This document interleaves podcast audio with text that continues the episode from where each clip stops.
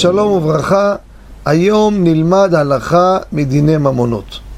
בעבר נגענו בכל מיני הזדמנויות בשימוש בכרטיסים, באוטובוסים, כרטיס של אדם אחר, שימוש ברב קו כשאדם משלם לפי פעימות, לפי תיקופים, ואמרנו שאם אנחנו מדברים על אותם אנשים מאותו, מאותה, מאותו סקטור, מה כוונתי?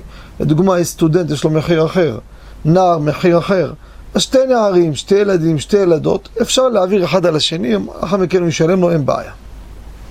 פה אני רוצה לדבר על תופעה שגם כן נשאלנו כמה פעמים, אף שרגשית מאוד רציתי להתיר את הדבר, אבל מה נעשה שבעל הממון הוא הקובע?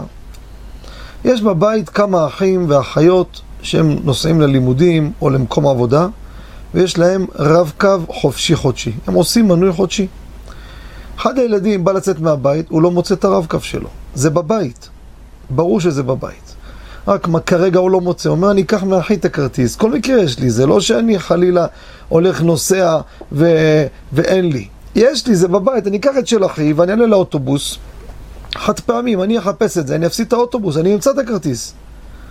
אף שרגשית אני אומר, מה זה משנה? הרי הבן אדם קנה חופשי חודשי, הוא שילם.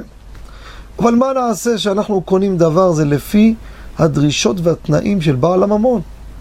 בעל הממון היום בחברות האוטובוסים, מי שמחליט זה משרד התחבורה. עשיתי שאילתה, שאלתי אותם, קיבלתי תשובה רשמית מהדוברות, שאפילו שוודאי יש לך חופשי חודשי, רק כרגע אתה לא מוצא אותו, אסור לעלות באוטובוס בחופשי חודשי של מישהו אחר. אז מה תעשה?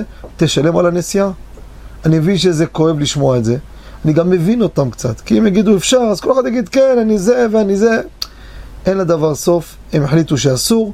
מקרה הזה, בכאב אני אומר את זה, אבל אסור להשתמש בכרטיס של מישהו אחר. תודה רבה וכל טוב.